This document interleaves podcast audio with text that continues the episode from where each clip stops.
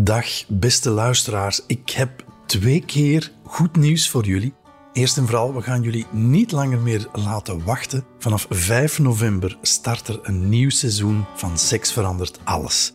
Rika vertelt ons dan opnieuw verhalen uit haar praktijk. En ik ga natuurlijk nog niet alles verklappen, maar uh, ik kan je alvast wel zeggen dat het zal gaan over bruisende liefde. Wij zitten nog in een relatiefase waarbij dat er niks tegen onze goesting is. Over wipkwartiertjes. Allee, we hebben dan nu nog twee uur, dus dat is dan nog tijd om te lunchen en dan gaan we piemelen. over bedrog. Hij heeft mij zo hard belogen, echt. Ja, voor de tweede keer. En over nog zoveel meer. Onze Love Voices zijn er ook weer bij. Zij vertellen natuurlijk hun eigen persoonlijke ervaringen. En de fantastische muziek is weer van onze monteurs Pieter Schrevers en Benjamin Hertogs.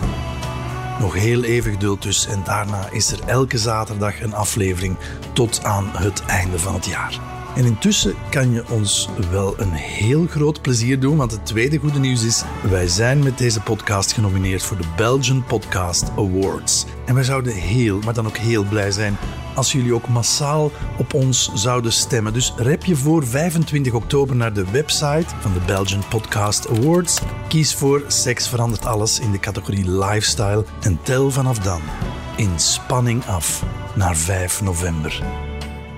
Was het zo uh, een beetje goed, Rika? Je hebt dat heel goed gezegd, Johan. Ah, altijd fijn als je partner er ook van genoten heeft.